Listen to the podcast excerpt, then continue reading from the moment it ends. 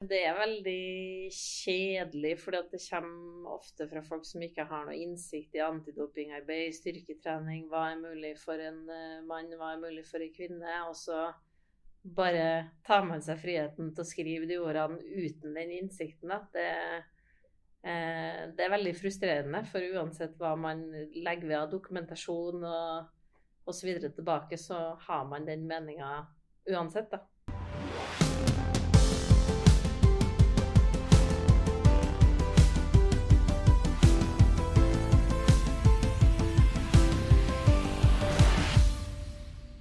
I dag har Antidopingpodden tatt turen opp til det som må kalles norsk toppidretts hjerte.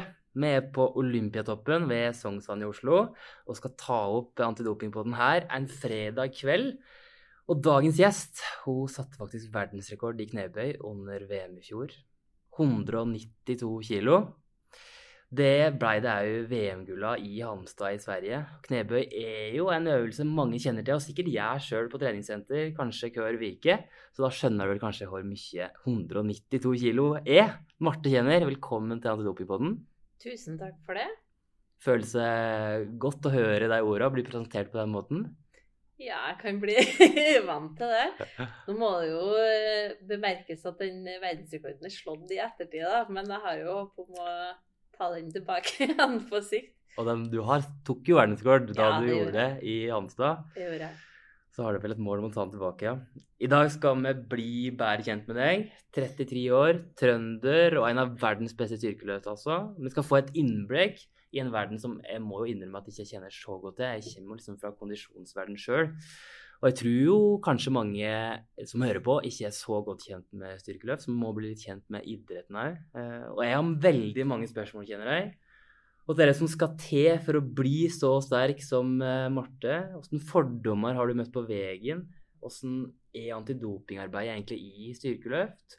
Vi skal ta et dykk inn i sosiale medier, som jeg vet er veldig viktig for mange utøvere i styrkeløft. Og så skal vi òg høre at det faktisk finnes et eh, parallelt, eller kanskje flere parallelle styrkeløftunivers, og iallfall et som eh, Marte har blitt invitert til, der det ikke finnes dopingtesting i hele tatt. Og så kanskje vi skal få noen gode tips da, til deg som vil bli sterkere, og ikke minst trene reint. Men for å starte en plass, der vi alltid starter i antidopingpodden Marte, hva er det første du tenker på når jeg sier ordet doping? Eh, snarvei, først og fremst. Eh, juks. det har kommet litt med eh, morsmelka, for å kalle det, innenfor styrkeløft, for der er det veldig sterke holdninger da, eh, angående eh, doping og antidopingarbeid. Eh, helserisiko, eh, spesielt som kvinne, kanskje særlig, da. Så ja, det er det første som slår meg, egentlig. Og her på Olympiatoppen denne fredagskvelden så sitter òg Lars Samnøy ved min side. Han er sportssjef i Styrkeløftforbundet. Velkommen til deg òg. Tusen takk. Jeg må stille deg det samme spørsmålet. Ja. Er det som dukker opp i huet ditt når jeg sier doping? Nei, det er Jeg er helt enig. Det er juks. Og det gir jo en fordel som du ikke kan oppnå rett. Altså Styrkeløft er jo en relativt enkel idrett. Så i styrkeløft så kan du være en nobody, og du kan vinne et VM-gull hvis du doper deg. Du kan liksom Den fremgangen du kan oppnå, med dop, den er veldig, veldig stor, og vedvarende. Og det er jo disse helserisikoene også er jo veldig eh, markante. Og dette er jo blitt forsket ganske mye på. Det går jo også utover den grå hjernematerien. Og kvinner får jo irreversible skader. Stemmen legger seg jo dypere, osv., osv. Så, videre. så for oss så er det i og med at vi har en idrett som er relativt enkel å utføre, så er det også viktig at vi, vi tar et veldig klart standpunkt. Og det er jo noen klare tegn, da. Så vi er jo opptatt av at vi har utøvere på landslagene som vi kjenner til. Som vi har eh, et system Altså vi, vi eh, har jo et godt samarbeid med Antidoping Norge. De tar jo også kontakt med, med trenere og klubber osv. for å vite liksom hva som skjer. Så er vi jo flinke til å rapportere inn hvis vi har noen mistanker. Og Antidoping Norge fungerer jo veldig bra. Hvis vi har en mistanke til noen av våre løftere, så vil Antidoping Norge ta kontakt eh, med den utøveren og teste den utenfor trening. Mm. Og det gjelder jo mosjonister og osv. De, den jobben og de holdningene dere kan jobbe med i forbundet, skal vi komme mer inn på. Men Men Marte, du er jo styrkeløfter, og det kan jo styrkeløftfamilien. Det kan jeg er kanskje litt lei av å få spørsmålet, da. Men eh, vektløfting og styrkeløft. Vektløfting ser vi jo, har vi sett i OL i, i mange år. Vi må få en avklaring på eh, forskjellen mellom styrkeløft og vektløfting. Ja, hvis man trener på et vanlig treningsstudie, et kommersielt studie, så er det mye vanligere å se La oss kalle det styrkeløft der, da. Det er jo knebøy, benkpress og markløft som uh, veldig mange gjør i vanlig trening, egentlig. Mens uh, vektløfting, så skal du jo flytte de her vektene over hodet i tillegg, uh, fra bakken. Så der er det jo to løft. Du har rykk og støtt. Begge deler går fra bakken og over hodet. Litt ulike tilnærminger. Men så har du tre løfter i styrkeløft, som er knebøy, benkpress og markløft. Så det er litt vanligere å se da, hvis man trener for eh, helse eller eh, har bare noe moromål med å bli sterkere osv. Så, er lettere å relatere seg da, til en vanlig styrketrener og styrkeløft enn vektløfting, egentlig?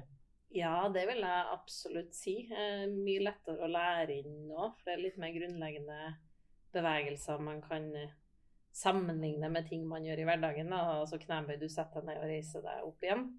Mens uh, hvis du skal koordinere deg og sette deg, reise deg opp igjen og slenge en vekt over hodet samtidig, så er det jo Det er en mer krevende prosess for å få det tekniske på plass der, da. Det er det. Mm.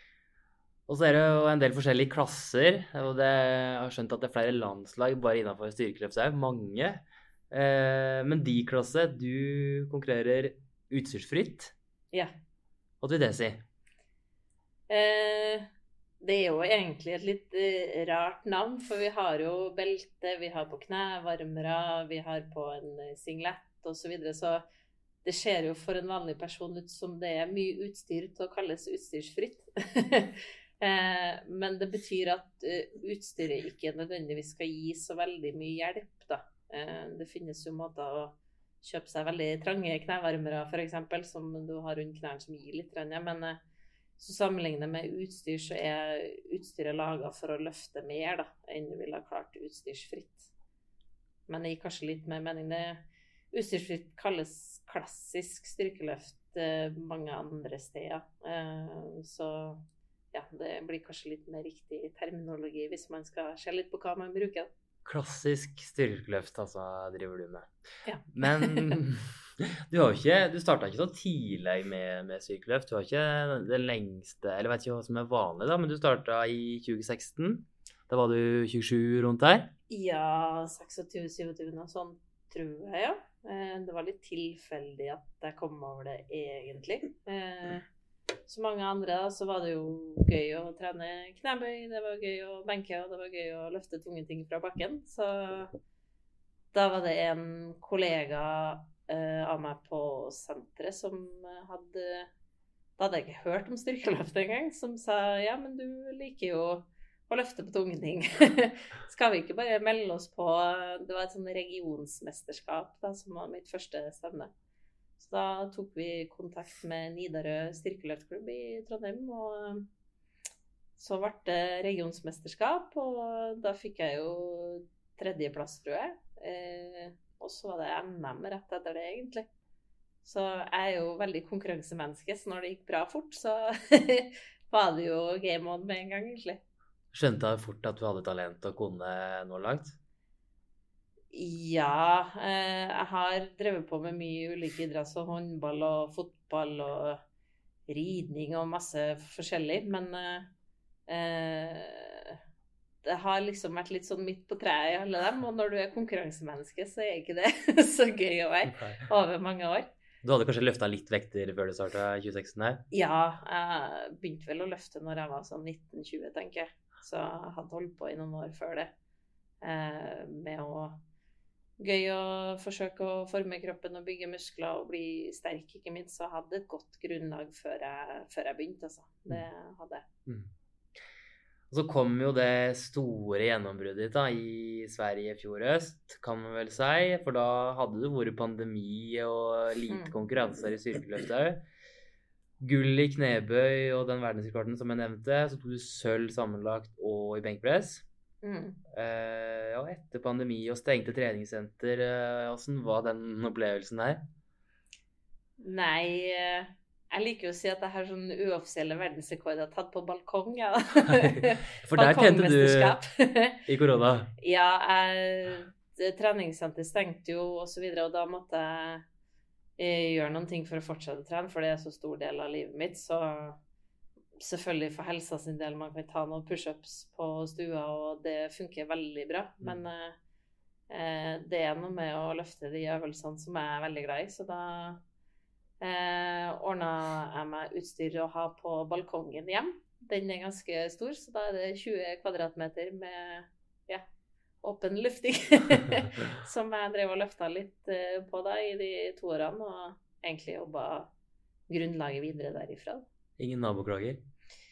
Eh, første økta, da tenkte jeg det må jo gå an å ta markløft som vanlig på den balkongen her. Men eh, det høres visst ganske godt i resten av bygget, da, så da kom det noen litt nervøse nabodamer og banka forsiktig på Du, slår du med slegge her, eller hva, hva gjør du? Så det ble sakte markløft etter det, da, så må tilpasse litt. Det måtte.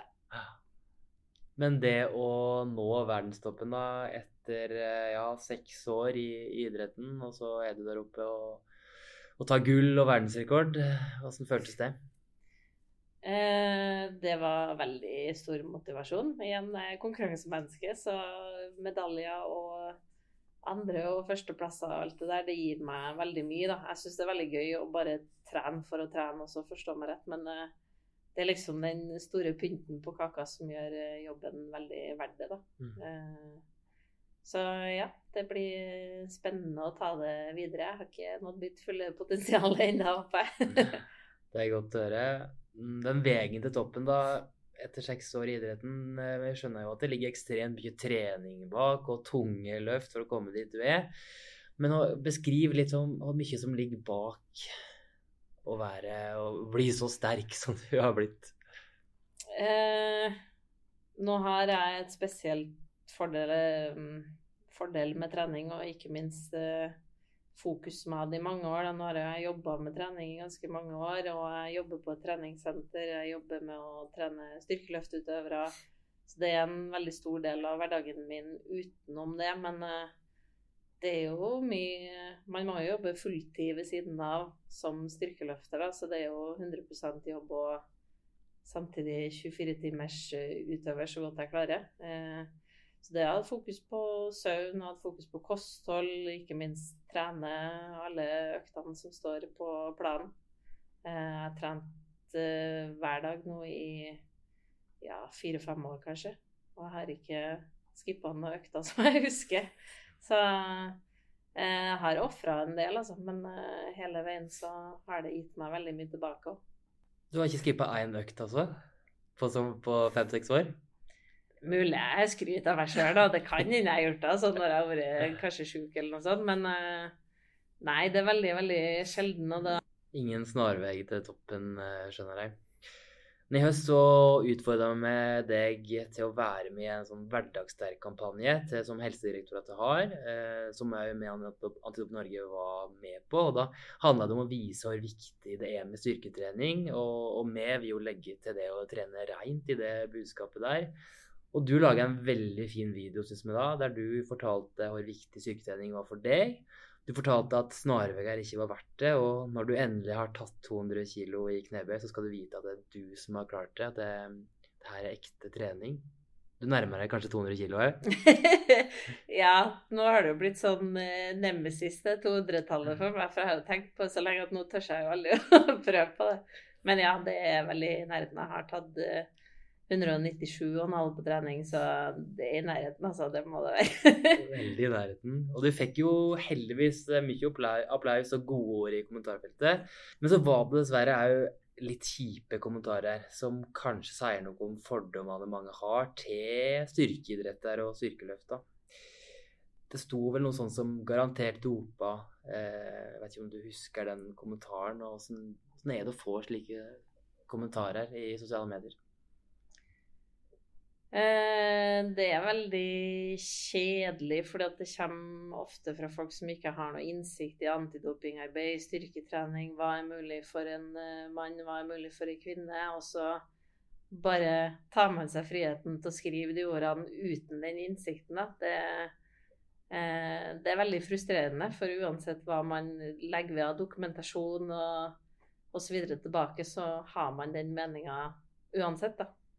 Um, så det er veldig kjedelig, for jeg vet jo hvor mye arbeid som ligger bak det. Og så blir den kommentaren der stående på svart på hvitt for alle sammen å se. Så, men jeg har jo min trygghet i meg sjøl, så det vipper meg ikke helt av pinnen. Men ja, kjedelig er det absolutt.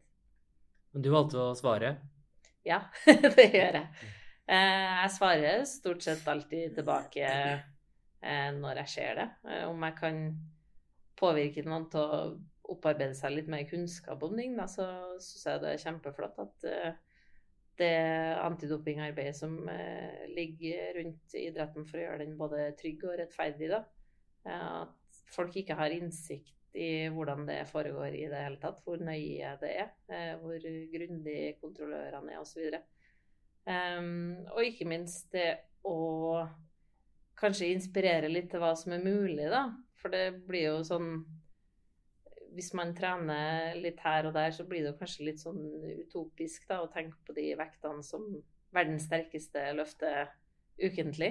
Så da blir det jo enkelt å sette stempelet Ja, men det her er jo umulig, så det her er jo doping. Eh, så inspirerer kanskje på sikt da, til noen som eh, sitter og er tvilende i sofaen til det her kan du faktisk få til, hvis du er villig til å legge ned innsatsen. Mm.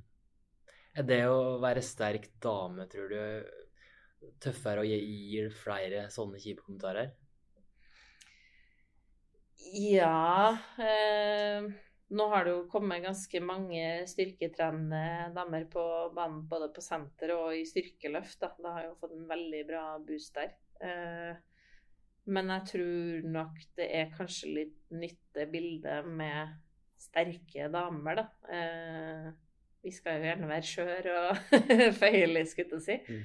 Så når uh, damer tar uh, eh, 200 i knebøy og sånn, så er det jo kanskje litt unaturlig i noen sitt uh, hode, da. Så da er man litt mer utsatt, kanskje. Og så noen kanskje får seg en trøkk på selvtilliten, da. Jeg vet ikke. Det er mulig det ligner der. Ja, ser at 200 kilo, det er ikke ei sjanse til som mann. Da kan iallfall ikke hun hun der klarer det?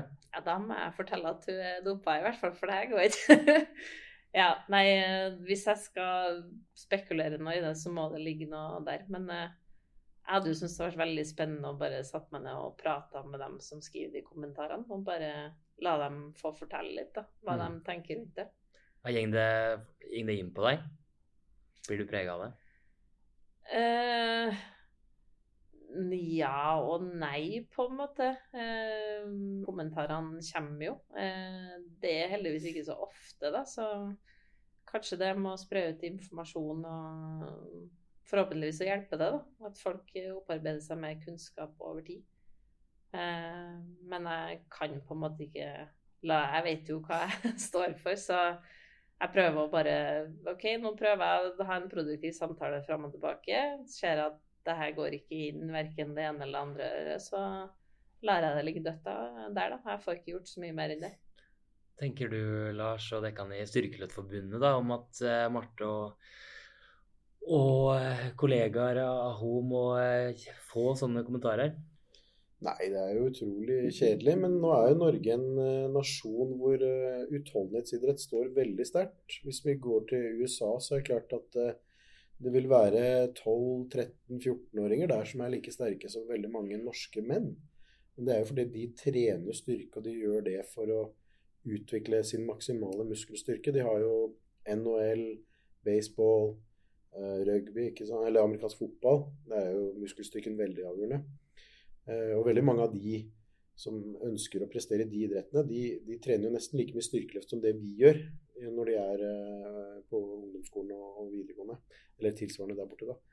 Så det, det har mye med kulturen å gjøre. Altså, det vil være Jeg tror mange som sitter og ser på OL, norske menn, da, uh, eller kvinner for den saks skyld, sitter i sofaen og er utrente og ser uh, hva de klarer å få til, så vil det være mange småjenter som klarer å prestere uh, mer atletiske ting enn det voksne mannfolk klarer. Så det er ikke Man må jobbe for resultatene sine, og vi blir bare veldig blåst av banen, for det er så sjelden. Altså det, om ti år så kan det godt hende at vi har langt flere damer i Norge som også klarer 200 kg knebøy. Det er jo en vanvittig vekt. Men jeg tror Marte kan komme opp på 215 eller 220 på sitt beste. Så hun har jo fremdeles et stort utviklingspotensial. Eh, og det, det, finnes nok også flere norske damer som har det potensialet. Men vi er jo en liten eh, Altså vi har utøvere som presterer godt, men vi er jo en liten idrett. Så jeg tror det går mye på tradisjoner. Ja, og er fordommene det kan møte som idrett, da. Det, det ligger jo ei historie bak der. og ja, det gjør det. Fortell litt om den jobben det kan ha gjort i norsk styrkeløft for å, for å gjøre noe med det, det, inntrykket folk flest har av idretten? Ja, vi har jo en idrett, som sagt, jeg var litt inne på det i stad, at det er en enkel idrett. Eh, hvis du klarer å trene tre ganger eller mer i løpet av en uke, eh, og du liker å løfte tungt, og du i tillegg doper deg, så kan du bli veldig sterk. Og På 80-tallet så var jo styrkeløft eh, ikke organisert som i dag. Eh, I dag er det jo et veldig bra eh, apparat. Vi har jo klubber som jobber veldig profesjonelt. Styrer som passer på medlemmene sine. Og de får jo all denne informasjonen med en gang de møter opp. Du kan jo ikke melde deg på et NM uten å gjennomføre ren utøver. Og du blir jo presentert med den informasjonen veldig tidlig. Men på 80-tallet så var det mange som ble tatt. Og da fikk jo eh, styrkeløft veldig spotlight på seg. Da, da, var jo Antidoping Norge, eller det het jo ikke det den gangen, men tilsvarende. Da var det veldig på vår idrett. For de visste at det var en høy risiko for at det, altså steroider har en kjempeeffekt i styrkeløft. Eh, men da måtte jo idretten ta et valg. Da har Vi jo, vi reiser rundt nå hvert eneste år med T-skjorte hvor det står 'Play true, play fair, play clean'. Og vi, er, eh, vi har ingen eh, landslagsutøvere som har blitt tatt siden 2001. Og det var en person som hadde meldt seg ut skriftlig av forbundet. Da har du en karantenetid på ett år. Og han ble testa etterpå, når han var i ferd med å gå over til en annen idrett. Så det var en utøver som hadde prestert godt, men hadde slutta med styrkeløft. Og etter det har vi ingen landslagsutøvere som har blitt tatt i styrkeløft. Og vi blir testa mye, og det syns jeg er helt fair. Uh, vi må fremdeles vise at vi tar dette seriøst. Vi samarbeider tett med Antidoping Norge, og vi, vi, er stolte av å bære disse slagordene på T-skjortene våre. Og vi er veldig opptatt av at uh, kanskje vi blir slått av noen nasjoner som doper seg, men det, det får det bare være. Vi ønsker å prestere rent. Mm.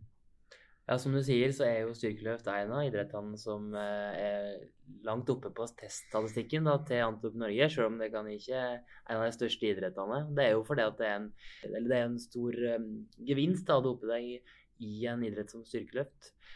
Jeg veit at eh, antidoping er viktig for deg, Marte. Fortell litt om dine verdier og hvorfor antidopingarbeid er viktig for deg. Eh, det er jo rettferdighet, da. At det er den, eh, etter omstendighetene, den sterkeste utøveren som vinner. Eh, og at man har gjort det arbeidet som må til for å komme seg dit. Så det er jo respekt for Jeg vet hvor mye det krever sjøl, så jeg respekt for mine konkurrenter som også har lagt ned en kjempestor jobb. At jeg ikke kommer og tar noe preparat på sida og så sniker jeg meg foran i køa. Det hadde jeg aldri kunne ha dratt hjem med en sånn eh, medalje i baklomma i etterkant.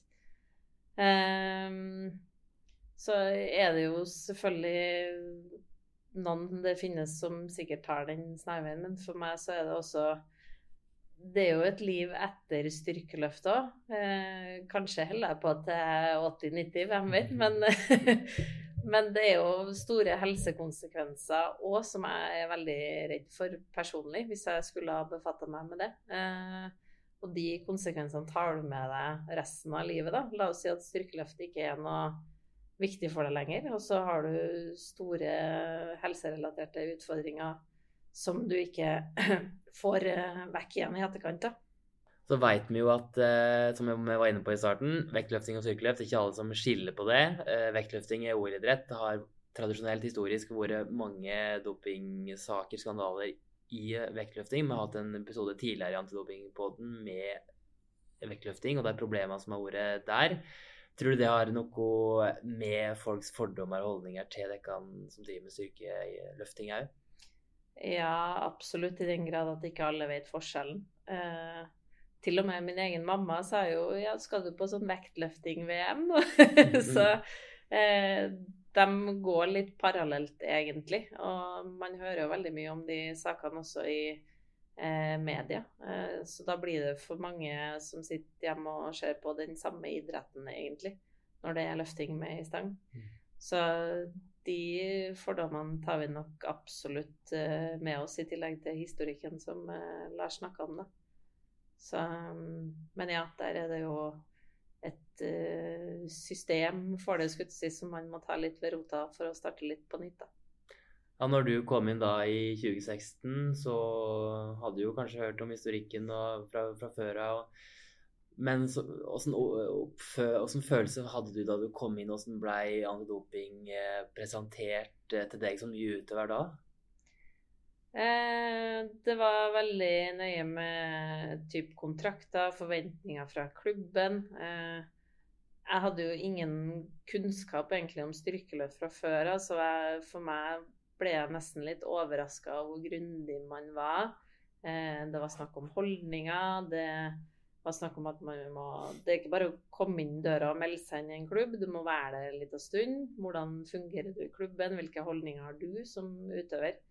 Ehm, så det overraska meg faktisk ganske mye. Ehm, for generelt i treningsverdenen altså Nå jobber jeg som personlig trener, da. Ehm, og da var det en del som var interessert i fitness og kroppsbygging, og da var det ikke noe fokus på antidoping i det hele tatt, vil jeg si. Da var det hvilke kosttilskudd tar du, og hvilke andre tilskudd tar du, osv. Så, videre.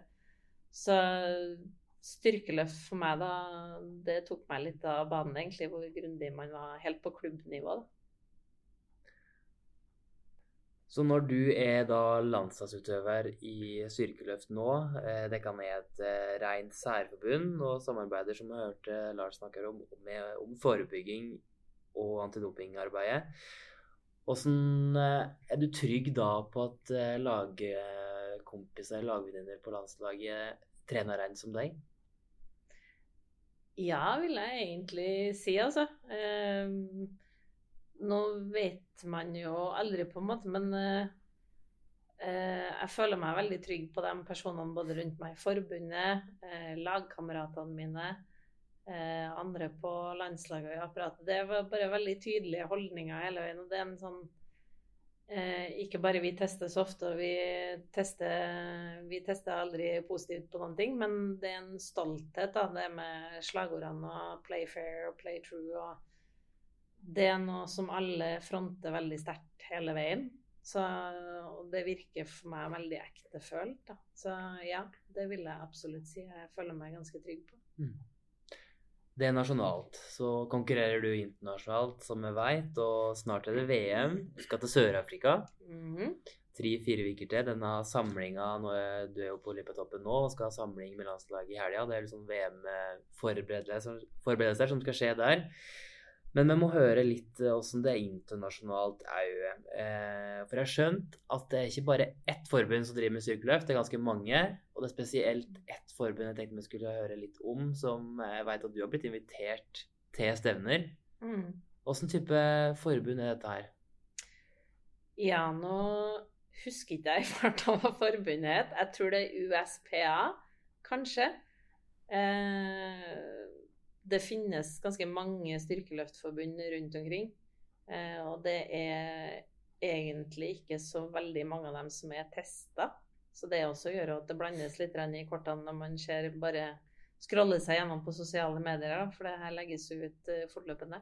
Utøverne blir ikke dopingtesta?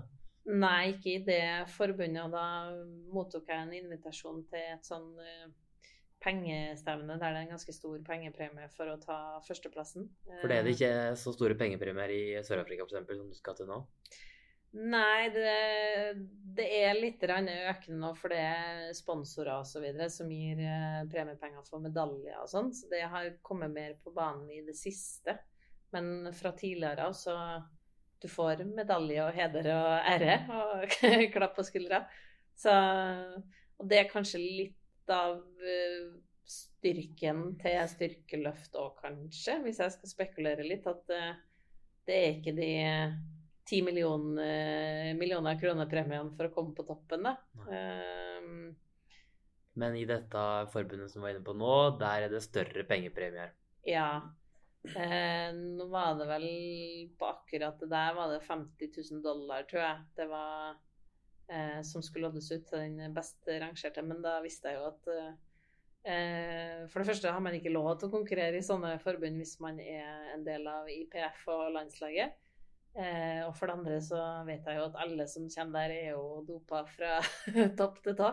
Det veit du. ja, det Man skal jo ikke ta poster fra sosiale medier for gitt, men det har de med både tonefall og tjohei på dem som deltar, og så er det veldig mange av dem som er åpne om det òg.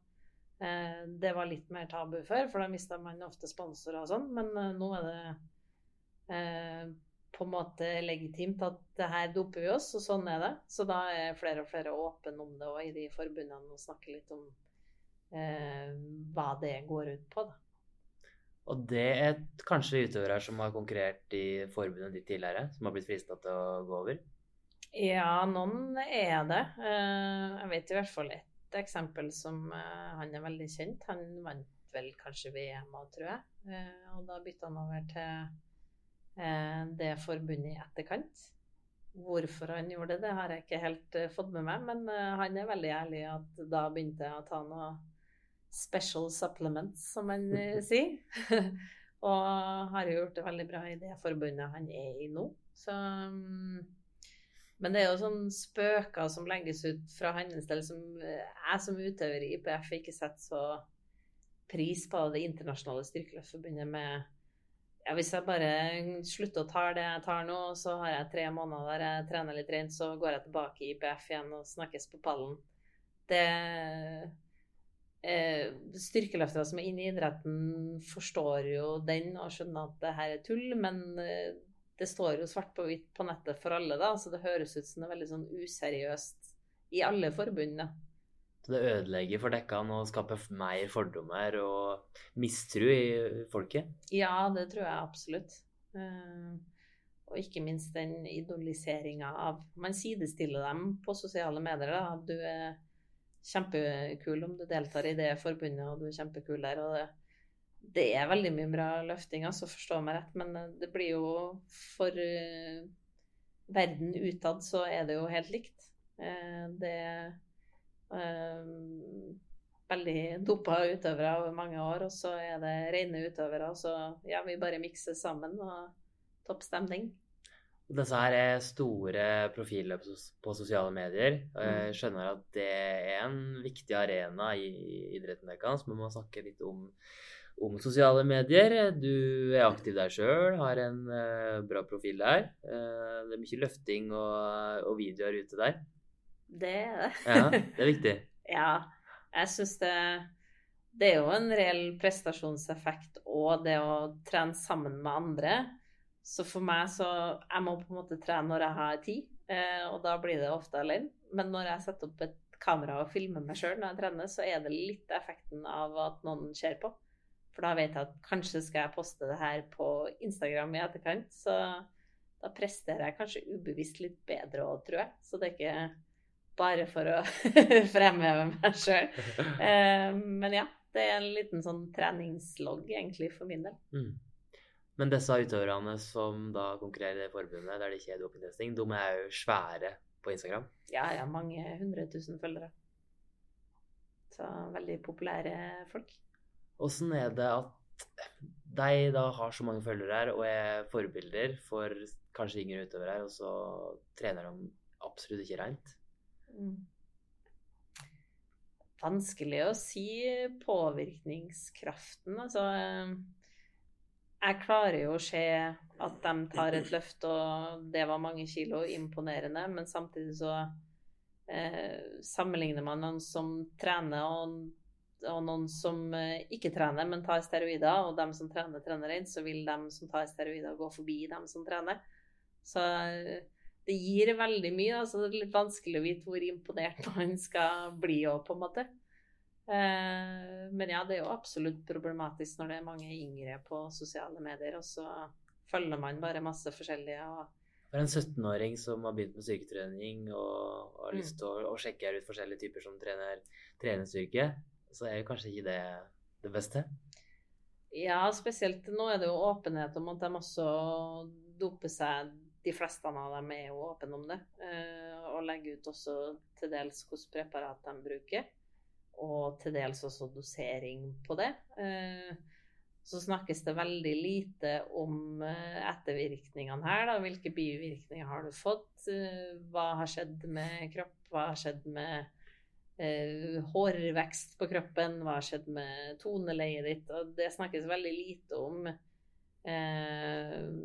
utover det. Da. Det er den der Her, nå har jeg blitt sterk. Her er det jeg har tatt. Her er så mye jeg har tatt.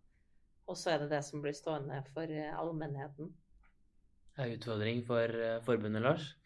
Ja, det er jo absolutt det. Uh, mange som kommer inn nye og spør hvorfor løfter ikke dere mer? Jeg så rekorden var det og det. Og da tar det litt tid å forklare det for en nybegynner. Når, du ikke, når du akkurat har begynt å trene, så vet du ikke hvor, hvor mye som du normalt kan forvente å oppnå. Så det blir jo bare tall for dem. Og så er det det at vi, vi ønsker jo å fange opp alle før de har brukt noe som helst. Vi vet jo at dette endrer jo fysiologien til en person. Med en gang du har tatt en kur eller to, så er det på en måte Da er jo litt av skaden skjedd, og litt av fordelen har du allerede oppnådd. Så um, det er utfordrende, for det er klart de, de har mange, mange, fans.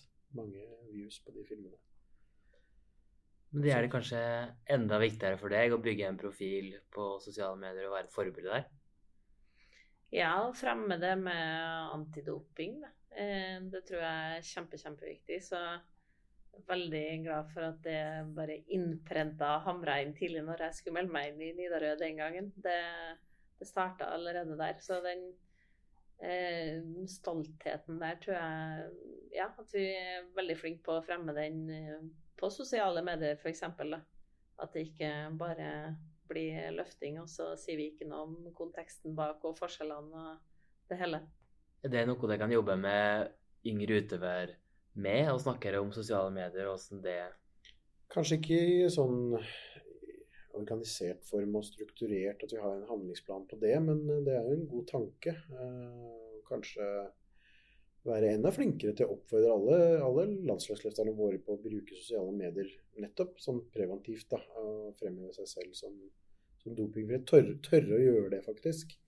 Det er mange som tenker at det, de er dopingfrie, og det holder for dem. Men uh, vi er nødt til å tenke på de som kommer etter òg. Uh, holdningsarbeidet det slutter jo aldri.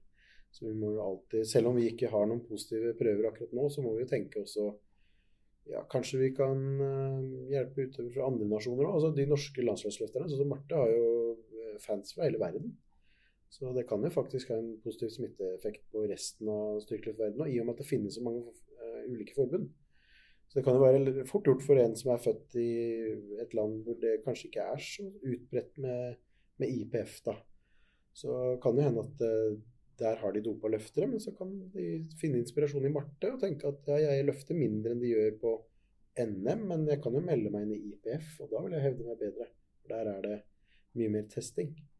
Det vil jo åpenbare seg også på resultatlistene. Så det er et godt forslag. Vi må jobbe mer med det kanskje ha en strategi på det, at vi er flinkere til å spre det glade budskap. Altså det at man kan bli så sterk som Marte dopingfri. Det er jo ikke gitt at alle kan bli det, men, eh, men resultatene er jo eh, De dopingfrie løfterne kommer jo, kommer langt opp i listen i det. Altså, hvor sterk skal man bli, tenker jeg. altså det er eh, knebøy og det å ha rakett i, i baken, liksom. Ja, Vi skal få noen tips eh, fra Marte før vi, vi gir henne fra oss eh, i kveld. Men uh, du må jo ha merka en sånn ekstrem pågang sikkert etter uh, VM-gull og verdensrekord på Instagram og sånn òg, når du har fått blitt enda større og eh, tar medaljer. Da blir det kanskje enda viktigere for deg å, å vise fram det du står for.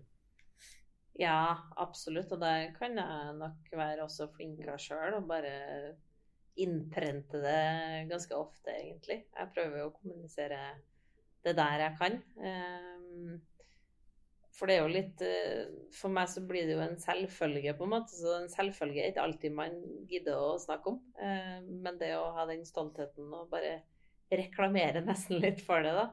Eh, så kanskje blir antidoping enda litt mer kult, da.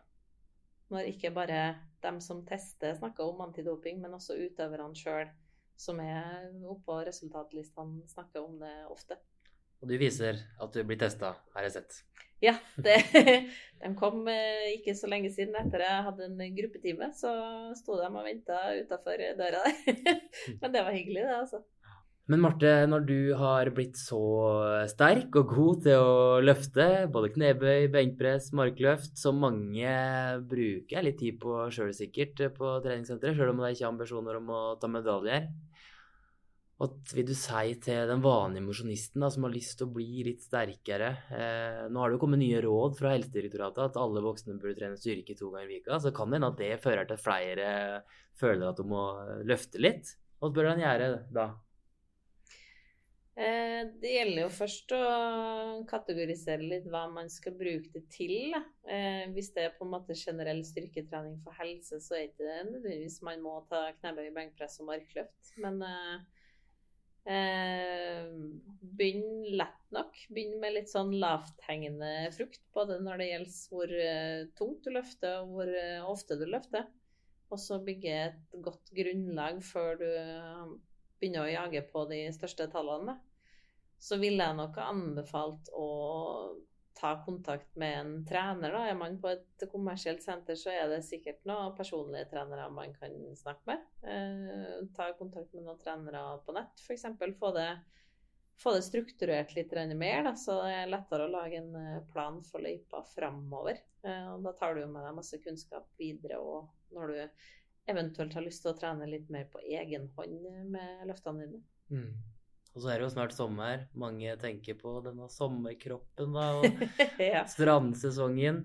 Yes. Det, mm, har du noen sånne tips til å komme fort i gang og få resultater?